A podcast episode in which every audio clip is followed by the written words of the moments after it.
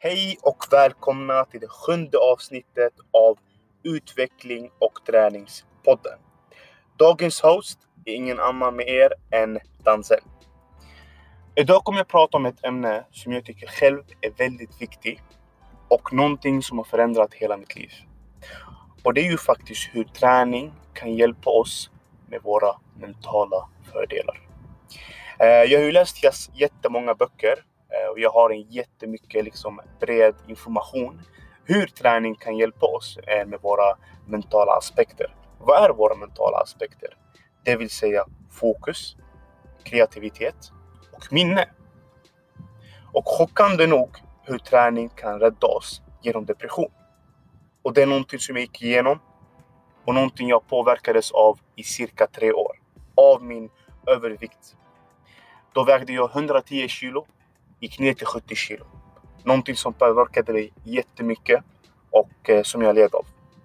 Men eh, någonstans där, när jag gick ner från 110 kilo till 70 kilo. Det var inte bara min vikt som ändrades. Utan jag ändrades också som person. Och det var genom träningen.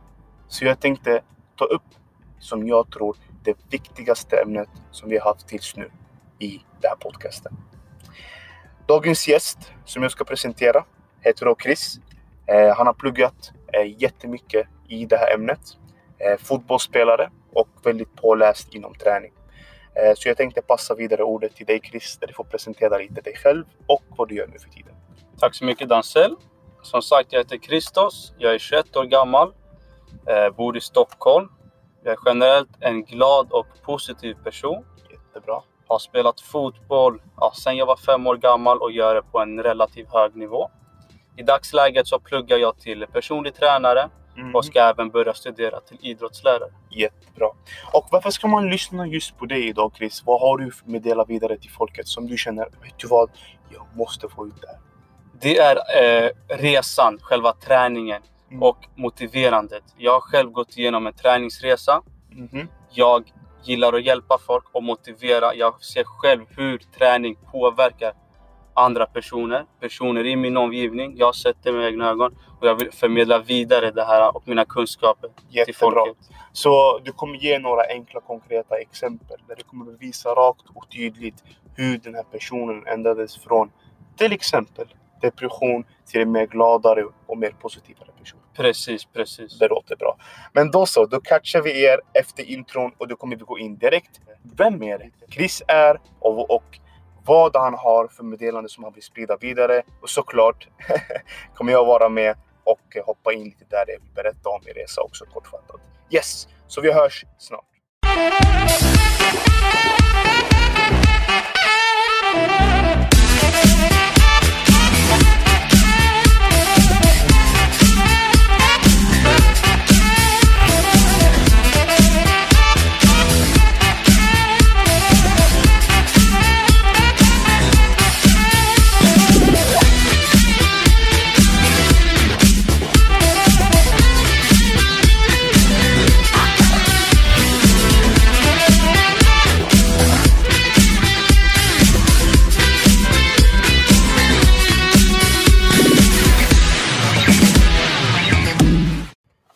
Så mina damer och herrar, nu är vi tillbaka och jag tänkte börja med första frågan till dig här Chris. Berätta lite om din bakgrund eh, och egentligen och träningsrelaterat. Hur har du tränat? Vad har du tränat? Och vad du har fått egentligen för mentala fördelar av träningen. Och egentligen det jag ville prata om mest om, det är den här skadan som jag pratade om, mig och dig, som ändrade det bara så. Yes. Så gå in där lite mer. Eh, jag har, varit, eh, jag har spelat fotboll sedan jag var fem år gammal. Mm -hmm. Och hållit på att spela på en ja, elitnivå på juniorsidan. Ja, ända upp till 19 år. Yes. Och under en tid när jag var runt 16, 15, 16 ungefär skulle jag säga. Då hade jag problem med mina axlar. Mm. De var så kallade överrörliga. Och vad menas med överrörliga? Då? Att eh, jag kunde, de var lite mer flexibla än vad de kanske ska vara. Vilket påverkade styrkan och stabiliteten. Okay. Så jag fick en liten axelskada på min vänster axel. Hur gick den till? Alltså, ramlade var, du? Jag, det var, jag ramlade tror jag det var. Och okay. då var den hoppade inte i led helt. Men det var som att den nästan hoppade i led. Vilket okay. var att eh, de kallar det för en mikrotrauma på läkartermer. Okay. det här mikrotraumat gjorde så att eh, ledbandet blev skadat. Och det här hände ytterligare sju gånger under en ett och ett halvt års period. Och så sju gånger varje gång du skadar dig? Eh, det, att den nästan hoppade ur led sju gånger. Men är det genom fotbollen du ramlar på marken? Precis, eller? genom fotbollen. Okay. Och då, det här påverkade mitt, eh, mitt fysiska spel, mitt närkampsspel. Och då fick jag alltid tänka, okej, okay, ska jag gå in i duellen eller ska jag inte gå in i duellen? Vågar jag, vågar jag inte? Så det var alltid att jag var tvungen att tänka en, två gånger extra innan jag gjorde något. Okej. Okay. Men jag får fråga dig sådär. Eh, du sa att du ramlade sju gånger och det gjorde ont liksom alla sju gångerna. Hur kändes det i den stunden ramlade ner och bara Är det här den här gången min axel hoppar ur led och hela min karriär är över? Det var, det var tufft. Jag ska inte ljuga. Det var tufft. Och eh, det fanns perioder då jag tänkte Ska jag sluta med fotboll? Ska jag göra något annat? För det håller inte. Det var så pass skadad. Och det var inte varje gång jag ramlade. Sista gången det hände, då hoppade jag upp helt ostörd. Ingen var i närheten. Och då blev det som att min axel nästan hoppade ur led. Bara av själva trycket när jag hoppade. Oj. Så då var ledbandet så pass skadat att det fanns ja, ingen stabilitet alls i axeln. Nej, nej. Jag förstår. Och eh, hur påverkar det här dig som person? Det påverkade mig eh, negativt då jag inte kunde göra det jag älskar fullt ut. Eh, man hamnade i en liten depression. Jag tänkte fan, jag vill göra det så mycket, men jag blir begränsad på grund av min skada. Eh, så vi tog beslutet att operera den med min läkare. Så då började en rehabiliteringsprocess som läkarna påstod skulle ta sex månader. Jag kunde spela fotboll efter fyra månader. Och sen, ja, ett och ett halvt år senare, återigen, fast min högra axel, då hoppade den helt ur led. Oj. Så då hade jag problem med den andra axeln som var frisk i förra Aha. läget. Men hur kommer det sig att den andra högra, alltså smittar de av sig? Eller? Det, nej, jag tror det var av ren uh, otur. Alltså, den, hade, den var ju överrörlig den också sen innan. Vilket ökar ju risken för att den ska hoppa i led. Ja, jag kan tänka mig när en är skadad, den andra axeln får jobba mycket mer också. Ja, säkert. Jag fick ja. ju kompensera med vissa rörelser och mm. sånt sen innan. Och sen var det också lite oturligt. Det var en nickduell med en motståndare. Ja, fick med sig min arm och drog ur den. Så det är otur, men det hände. Jag förstår. Och just i den här perioden, för du nämnde någonting med depression. Vad definierar du som depression? Det är att eh, jag var nedstämd. Jag, eh, jag kan inte säga att det var den största graden av depression, men jag mådde ändå inte bra. För som sagt, jag kunde inte göra det jag älskade. Under rehabiliteringsprocessen, då var jag på fotbollsplanen, kunde se alla mina kompisar spela fotboll. Jag stod vid sidan, antingen sprang, körde lite teknik, kanske lite styrka med gummiband, men det var det. Så, men jag såg alla andra ha kul på planen och jag stod där vid sidan ensam. Okej. Okay. Och hur kändes det i den perioden? Du stod helt ensam och ingen är bredvid dig och alla kör framför dig. För jag tror det här är inte bara någonting som man kan relatera med fotboll utan generellt ibland så basketspelare, liksom eh, golfspelare, eh, wrestling, eh, boxare, vad det ja. är egentligen som skadar sig och de ser alla deras lagkamrater eller deras vänner liksom köra och de står bara helt still där åt sidan. Hur känns det i den stunden? Det känns eh, ensamt. Men sen har man ju familj och vänner som stöttar en. Men mm. just i den stunden så är det okej, okay, jag, vill, jag vill gå in och spela men man får inte för då kommer man förvärra skadan ännu mer. Mm, okay. Och det blir den här, man blir lite ledsen, kanske lite tillbakadragen. Eh, ah, man, man är inte lika glad helt enkelt. Okej, okay. och hur påverkar det här din vardag? Eh, det var väl att man kanske var lite mer negativ under den perioden. Okay. Eh, jag är inte van heller att vara en, hemma på eftermiddagarna då jag alltid spelar fotboll tre, fyra, fem gånger i veckan. Okay. Så då var det lite, jag var rastlös. Hade inget att göra. Det påverkade också skolan trots att man kanske hade mer tid att plugga. Okay, ja. Det var, man ville inte plugga för man var ledsen. Man, man vill gå och spela fotboll. Det var liksom, jag vill träna, jag kan inte göra det, då fuck allting annat. Jag förstår. Och eh, jag tror faktiskt om man är lite åt eh, eh rastlös-sidan, eh, att man inte har någonting att göra, är det inte enklare att de här uh, tankarna kommer fram? Amen, kommer jag kunna verkligen klara det här? Kommer jag komma, komma, komma tillbaka från skadan? För jag tror eh, på automatik, eh, det kommer ångesten in att då kommer mer att man börjar övertänka mycket mer.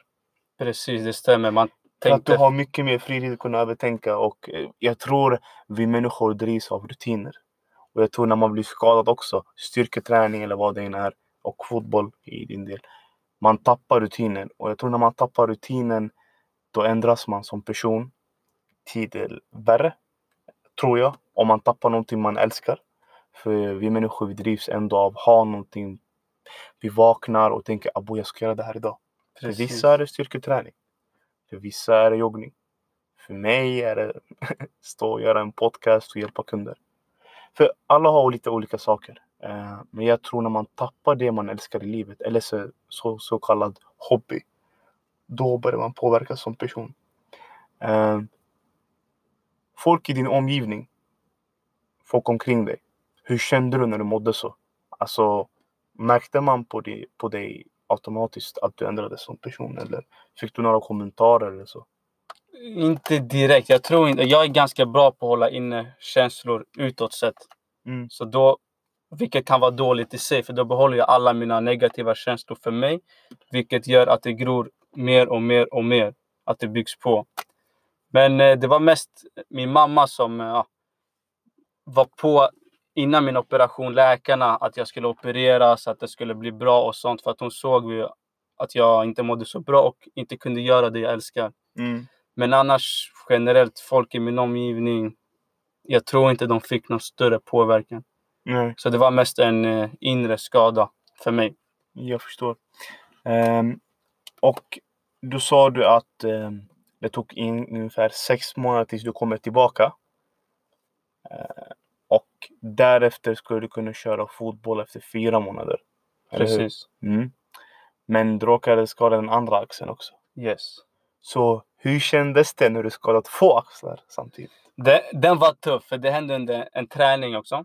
Okej. Det var en lugn träning Mhm. och ja, på den här lugna träningen precis innan match så skadade jag mig.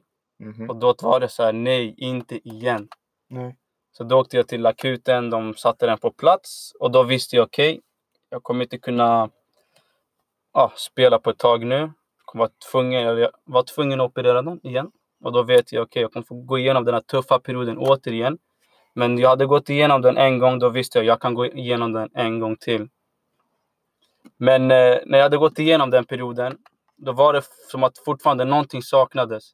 Det kändes inte som mina axlar var riktigt stabila fortfarande. Och det var i den här vevan jag hittade gym och styrketräning. Mhm. Okej. Så berätta till mig nu, om vi ska snacka lite höjdpunkt, när du började styrketräna eh, och började såklart jogga lite mer och löpa. Eh, började du märka lite skillnad? Det gjorde jag absolut. Eh, jogga och sånt kunde jag göra sen innan. Ja, såklart. Men när jag började ah, li, eh, lite mer med vikter och sånt, stärka kroppen. Jag har alltid varit ganska liten. Mhm. Och eh, när jag började köra styrketräning, då kände jag att mina axlar blev mer stabilare.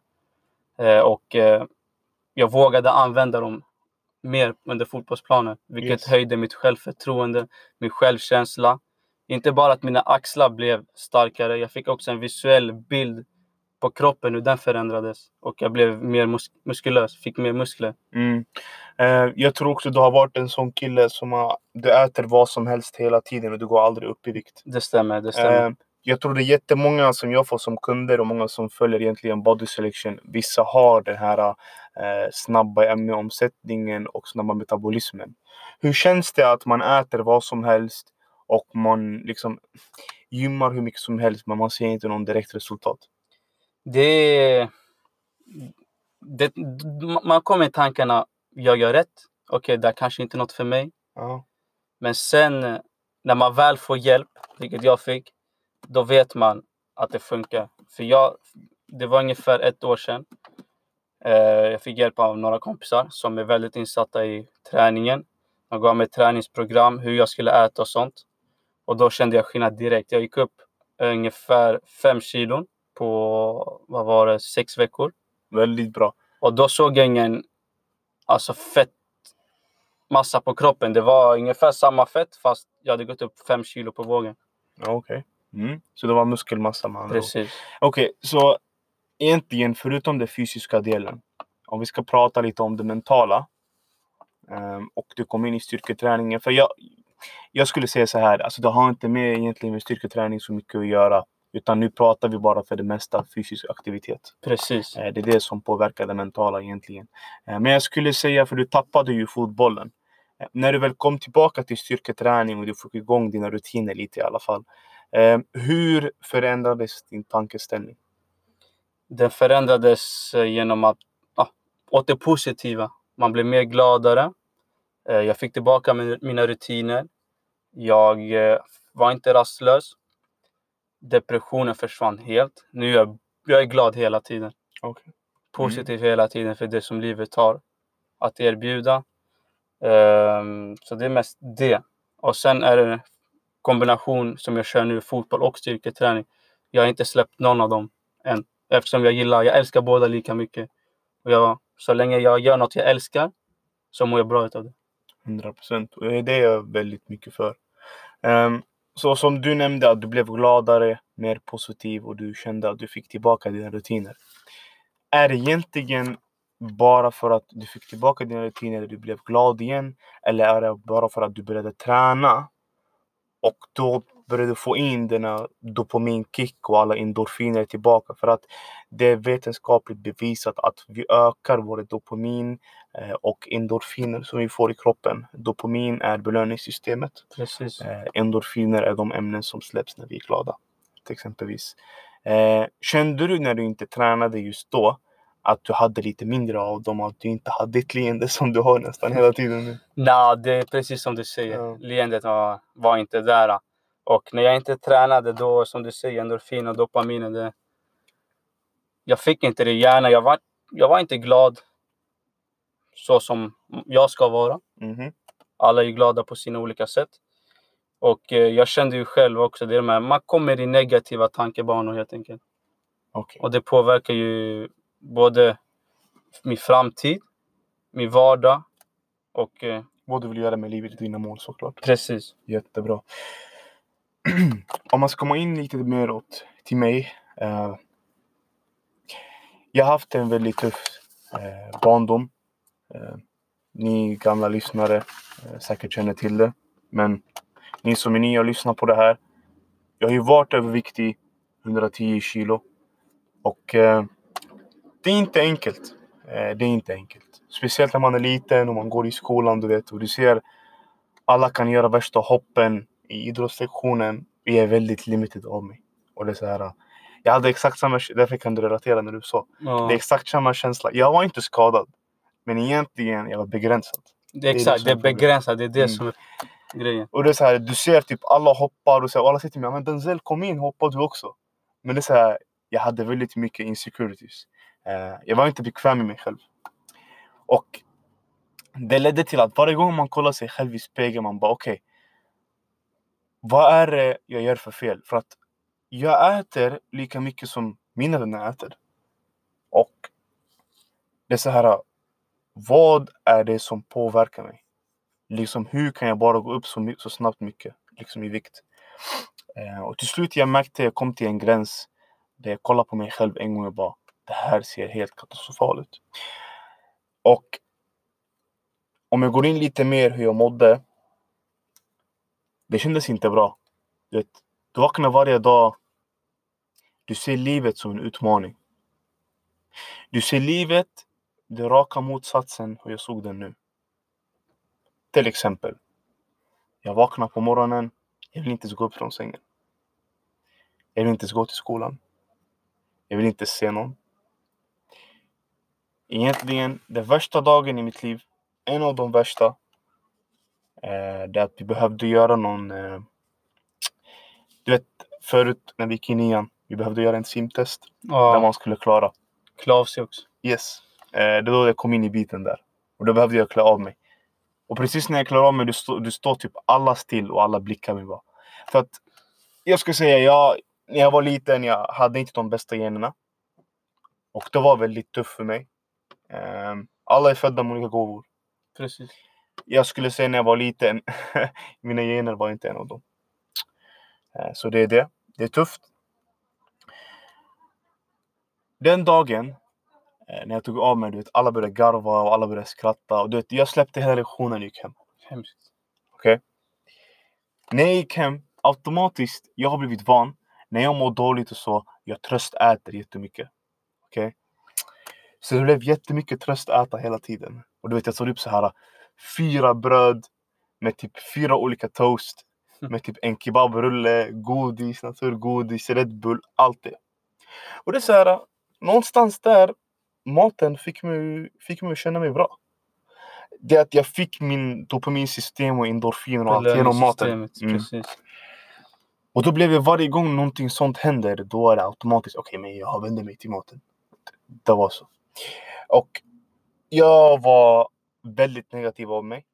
Eh, jag såg inte folk som jag ser dem nu som möjligheter, som talanger. Varje en har en talang i sig, en liten frö. Det är bara att man vattnar till den varje dag så blommar den ut. Jag trodde att hela världen var mot mig.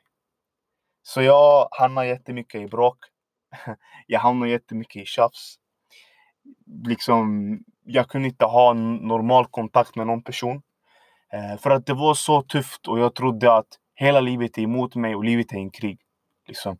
Och jag måste vakna och vara den här soldaten och gå ut och den som kommer nära mig och säger att jag är tjock, jag ska attackera honom. Jag blev kickad av fem olika skolor på cirka åtta månader.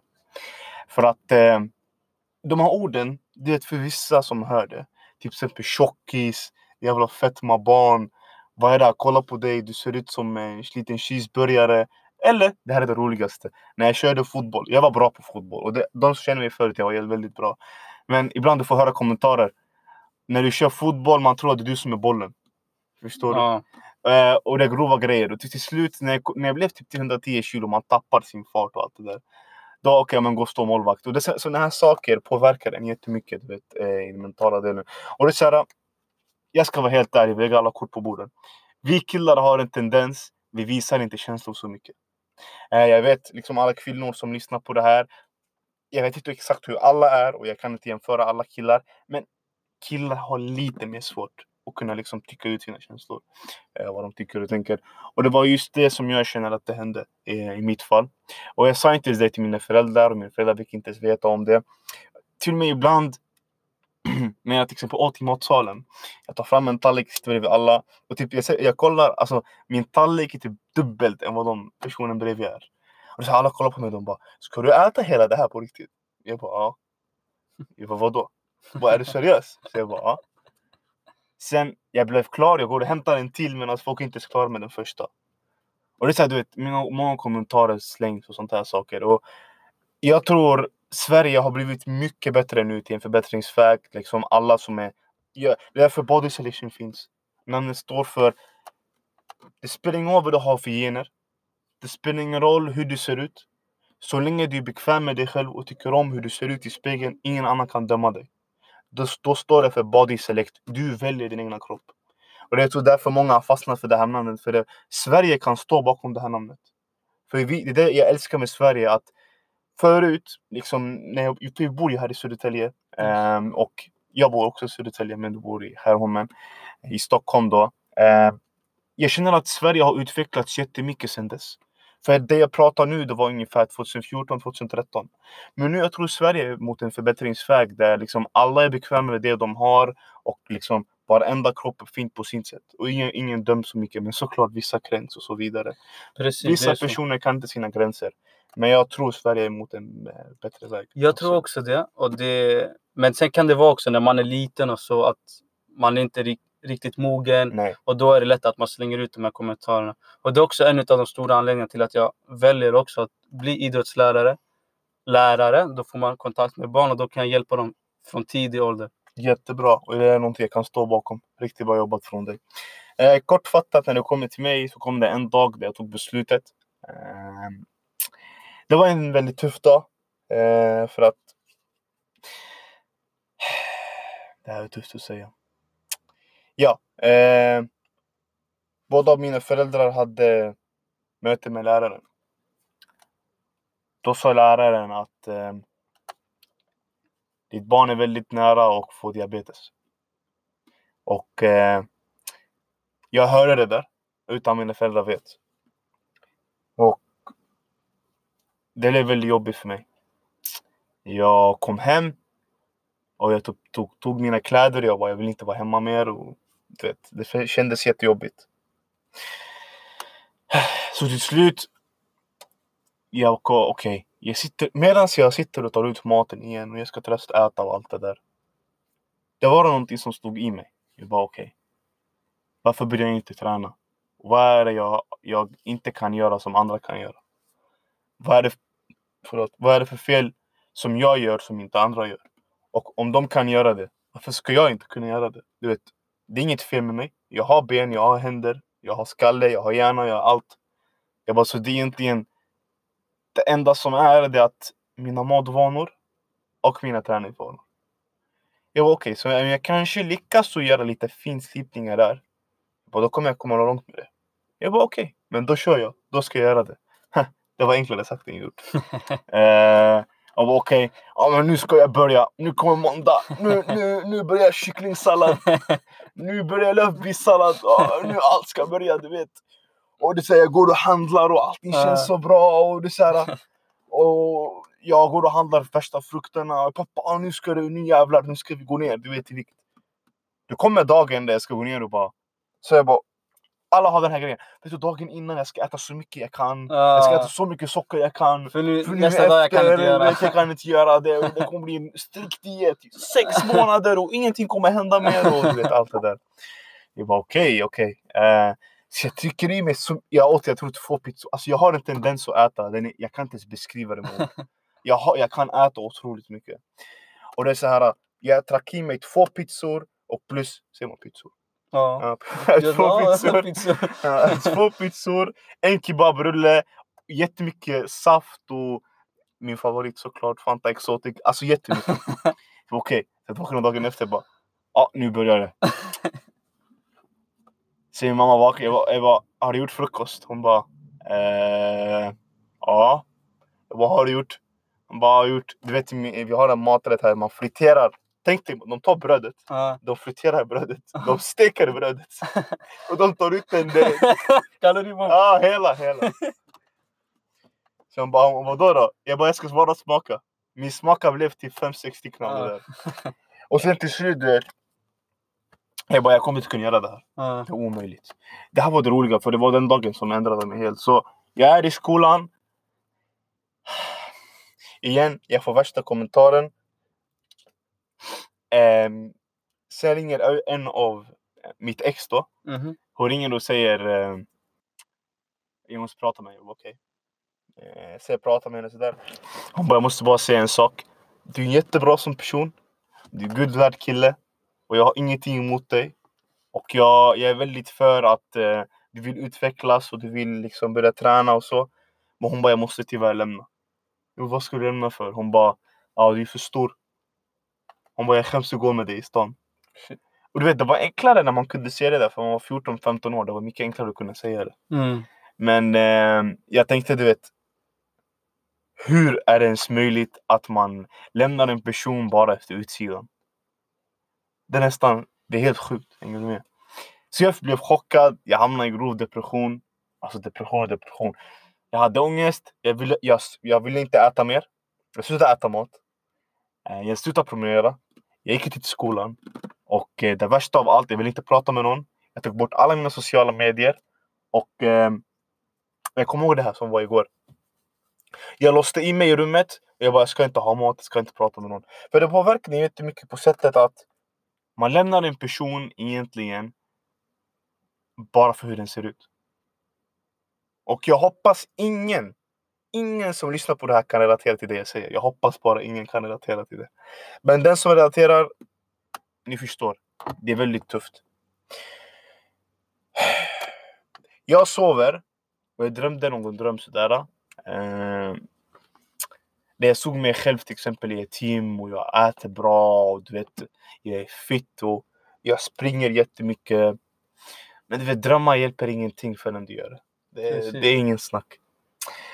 Eh, kortfattat, och vi ska kortfatta hela det här. Eh, då var jag i skolan och eh, så rekommenderade en vän till mig. Okej, okay, men varför börjar jag inte löpa? Jag bara okej, okay. så jag ska testa att löpa. Så jag löper första gången och jag tog ut all min ilska som jag har samlat under alla de här åren på den här löplundan Så efter jag var klar med den, alltså jag lovar, jag ramlade ner på marken, jag kunde, jag kunde knappt andas. Jag var typ helt slut. Och eh, till slut, jag bara okej, okay, jag kunde klara det här, jag ska göra det igen. Men jag fortsatte träna och träna men maten var inte på plats. Så jag bara okej. Okay. För du vet, det är så belöningssystem funkar. Om du börjar med en habit, du gör klar en habit, det blir enklare att göra den andra. Precis. Eller hur? Precis. Man ska ehm, ta det stegvis. 100 procent. Så då började jag faktiskt att eh, styrketräna. Jag köpte ett kort. Jag började skärpa kosten. Och då jag bara okej. Okay, alla de som inte tror på mig. Och alla de som garvade åt mig. Och alla de som tryckte ner mig. Och alla de som mobbade mig. Och de som fick mig och du vet känna mig dålig i, när vi skulle bada. Och tjejen som jag trodde ja. ville ha mig och lämna mig. Jag bara, jag ska ta, rensa hela livet och det enda jag ska se, ett gym och löpband och kycklingost och ostsallad. Så jag fick ett nytt rykte, Danzel 40 minuter. Så jag sprang varje dag 40 minuter, eller styrketränade 40 minuter. Kortfattat, kortfattat då, från, då gick vi ner. Från 120, 120. från 110 kilo gick vi ner till 70 kilo. På cirka 8-9 månader. Men egentligen, jag blev glad för att hela min fysik ändrades och hur jag kände och så vidare. Men det viktigaste var den mentala skillnaden. Jag blev mycket mer positiv. Jag såg livet på ett helt annat sätt.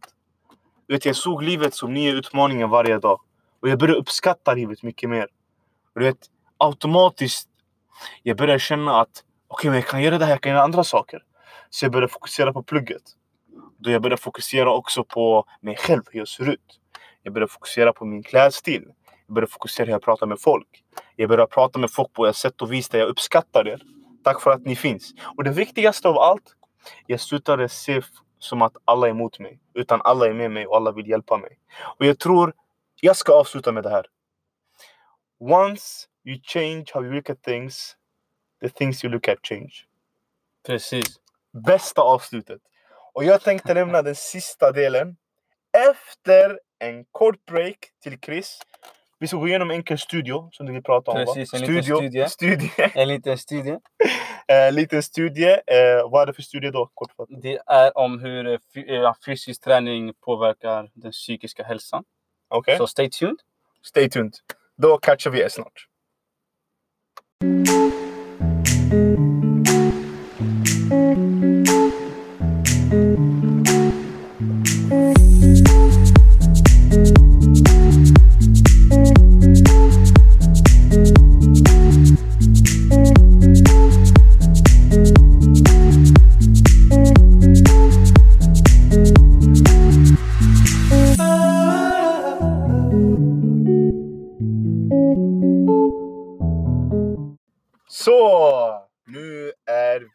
Tillbaka. Då lämnar jag ordet till Chris. Yes, som vi sa, vi ska gå, i, ah, gå igenom en liten studie som jag hittat. Mm -hmm. Som är från The Lance Psychiat Psychiatry. Okay. Ursäkta min engelska. det är i alla fall en studieenkät där över 1,2 miljoner svarade på. Mm -hmm. Och eh, de vill visa fördelarna fysisk aktivitet har på den psykiska hälsan. Okay. Och eh, det som regelbundet ägnar sig åt planerad fysisk träning hade 43% färre dagar med psykisk ohälsa. Psykisk ohälsa som depression, dålig självkänsla, ångest, ångest stress och allt det där. Mm -hmm. Och eh, jag vill, om vi sätter lite perspektiv, säg 10 dagar per månad om du inte är fysiskt aktiv. Börjar du träna minus 43 procent, vilket är sex dagar. Det kanske inte låter som jättemånga dagars skillnad, fyra dagar. Men jag vill att ni tänker fyra dagar på ett år. Fyra dagar på fem år. Eller vad säger jag, fyra dagar i månaden. Ja. per månad på ett år. På tre år, på fem år, på tio år. Ja. Hur stor skillnad det faktiskt är. Jag läste ja. faktiskt, en, förlåt jag avbryter, jag läste en liten bok här eh, som heter Psychogenetics. Eh, där de pratar om hur man bygger egentligen habits. ehm, rutin så att säga Yes. eh, på bästa sätt. Eh, studien då som de gjorde också, eh, väldigt nära som din, eh, visar sig om att om man gör samma sak varje dag i 21 dagar, det är så man bygger rutinen. Precis. Eh, och det tar ungefär ytterligare 63 dagar till för att kunna hålla den hela livet ut om man gör den varje dag. Eh, Så och, sammanlagt då blir det 63 plus 21. ja, exakt. Men för att ha 21 dagar, där etab- etablerar man rutinen. Att man Mm. gör den varje dag. Men den är inte säker. Men om du gör den ungefär i tre månader, då kan den vara säker hela livet Mm. ut. I alla fall. Eh, och då visar sig också att de små sakerna i livet spelar mer roll än de stora. Det är där allting börjar. Och- Med andra ord, upp på morgonen, bädda sängen. Precis. Första sysslan gjord. Nu säkert om min morsa här, hon vet jag brukar inte bädda min säng. Men lättare sagt än gjort. ja, men det är någonting som du också kan förbättra. Precis. Det ingen- ingen är alla perfekt. Precis. Ingen Ingen, är perfekt. perfekt. Eh, så jag tror de små sakerna, det är de som bygger varje dag. Eh, och till slut så hjälper de också med våra stora projekt och våra stora drömmar och visioner. För de börjar med små habits. Precis. Och det är där allting börjar. Och jag tror det är det som vi kan relatera eh, med din studio som du pratar om.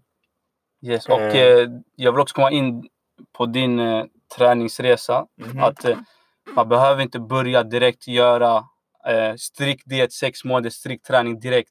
Man kan börja långsamt. För studien visar också att om du tränar mellan 30 minuter och en timme per pass, 3 till 5 gånger i veckan, att det är just det spannet som har störst positiv påverkan på den psykiska hälsan. Helt Så rätt. det behöver inte vara till någon överdrift. Nej, nej, nej. Jag skulle säga inte. För att jag gjorde det på grund av jag ville testa mig själv och ge mig själv en utmaning. Men som jag säger, jag är väldigt för det du säger. Att man börjar sakta men säkert. Jag tror jag har sagt det här i varenda avsnitt Ja. som jag har haft. Och som sagt, det finns inga rätt eller fel heller Nej. hur man tränar och vad man tränar. Studien visar också att eh, lagaktivitet, alltså lagsporter såsom fotboll, basket, Mhm. styrketräning är det de eh, effektivaste och cykling också. Det, det, det är de tre mest effektiva. Varför just sätten. För jag tror till lagsporter det är att man är social. So, exakt, team spirit. Man är Mm. mer socialt, man träffar andra människor. Man blir lagspelare automatiskt. Precis. Man känner att man är någonting som är större än än sig Exakt. själv. Styrketräning, jag kommer inte exakt ihåg varför, men jag kan också tänka mig det är både styrkan, alltså muskler och i gymmet träffar man andra människor Helt rätt. som man kan prata med. Ah, ah, ah. Jag pratar inte med någon i gymmet. Det, där, det där är stort no, no, no, no, no. Yes! Tillägg eh, innan och efter passet. Ja, innan och efter passet, men inte under. Men ni Ja. som tränar med mig, ni vet jag babblar ganska Ja, mycket. du babblar ganska mycket. Då ska jag och Chris aldrig träna. Nej, jag skojar. Ja, men skämt åsido. Eh, jättebra avsnitt egentligen. Jag tänkte bara vi ska sammanfatta allting. Eh, för min del ska jag sammanfatta allt. Min resa var tuff. Eh, det var tuffa utmaningar, eh, tuffa challenges. Men eh, livet går vidare. Man tar, man tar sig igenom eh, vad det än är. För vi människor är kraftfulla. Bara vi bestämmer oss för någonting och vi har en vision. Allt kan hända. Och man kan inte bli allt i livet. Men man kan bli den bästa man kan bli. Och den bästa versionen av dig själv, det är det bästa som du kan göra och det är enough. När man, slutet av dagen, när man ska sova och man kollar och man tänker sådär. Vet du, idag gjorde jag allt jag kan för att lyckas med det jag vill göra i framtiden eller visionen eller målen. Precis. Eller till exempel skolan eller plugget eller Det jobbet. kan vara vad som helst. Mm. Det jag tror det är där man sover med ett nöje. Och Så det sant. jag vill avsluta med och det sista jag vill säga från mig. Livet är baserat på perspektiv. Varenda en ser livet på ett sätt. Men jag tror, slutet av dagen, hur vi än ser på livet och vad vi är med i livet. Jag tror vi är här för att vidareutveckla det våra förfäder gjorde och bygga på det här. Vissa ser det som en fin resa.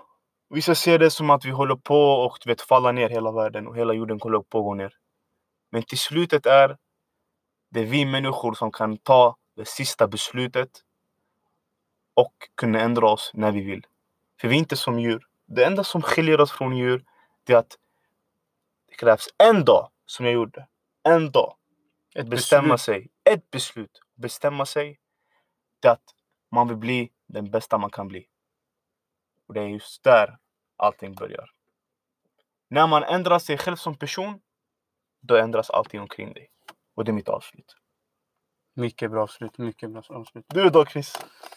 Det jag vill ja, säga till- för avslutning det är att eh, jag ska hålla det kort. Var glada, gör det ni älskar.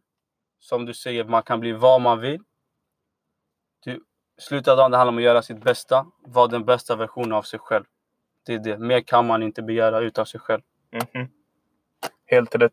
Eh, för alla er som lyssnade, jag vill tacka er. Eh, jag tror det här var en väldigt emotional eh, avsnitt. Faktiskt, ja. Eh, men jag uppskattar för er som har lyssnat tills nu. Eh, väldigt lojalt. Och eh, jag håller tummarna för mera avsnitt där man faktiskt kan uttrycka sina känslor. Och att podcast behöver inte vara hela tiden så professionell gjord och helt Nej. redigerad och 100% utan jag tror podcastvärlden behöver rå fakta. Alltså människor de kan relatera till. Det kommer från hjärtat. Så kommer från hjärtat, det är där allting börjar. Och då så vi människor bygger upp varandra hjälper varandra. Allting börjar genom hjärtat.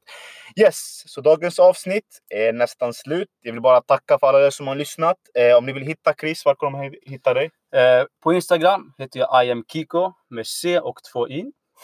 CO2i. Eh, Yes. länk i beskrivningen. Då kommer jag lägga länken i beskrivningen. Yes. Och eh, det är väl mest bara där jag är aktiv. Jag har lite Facebook men jag lägger inte upp så mycket där. Jättebra. Och mig, ni kan hitta mig genom alla sociala nätverk, både genom Body Selection och at Denzel. Denzel genom Instagram. Tack för alla er som har lyssnat. Det här var Danzel och det här var Chris och vi vill tacka er så mycket. Ha det så bra. Adjö.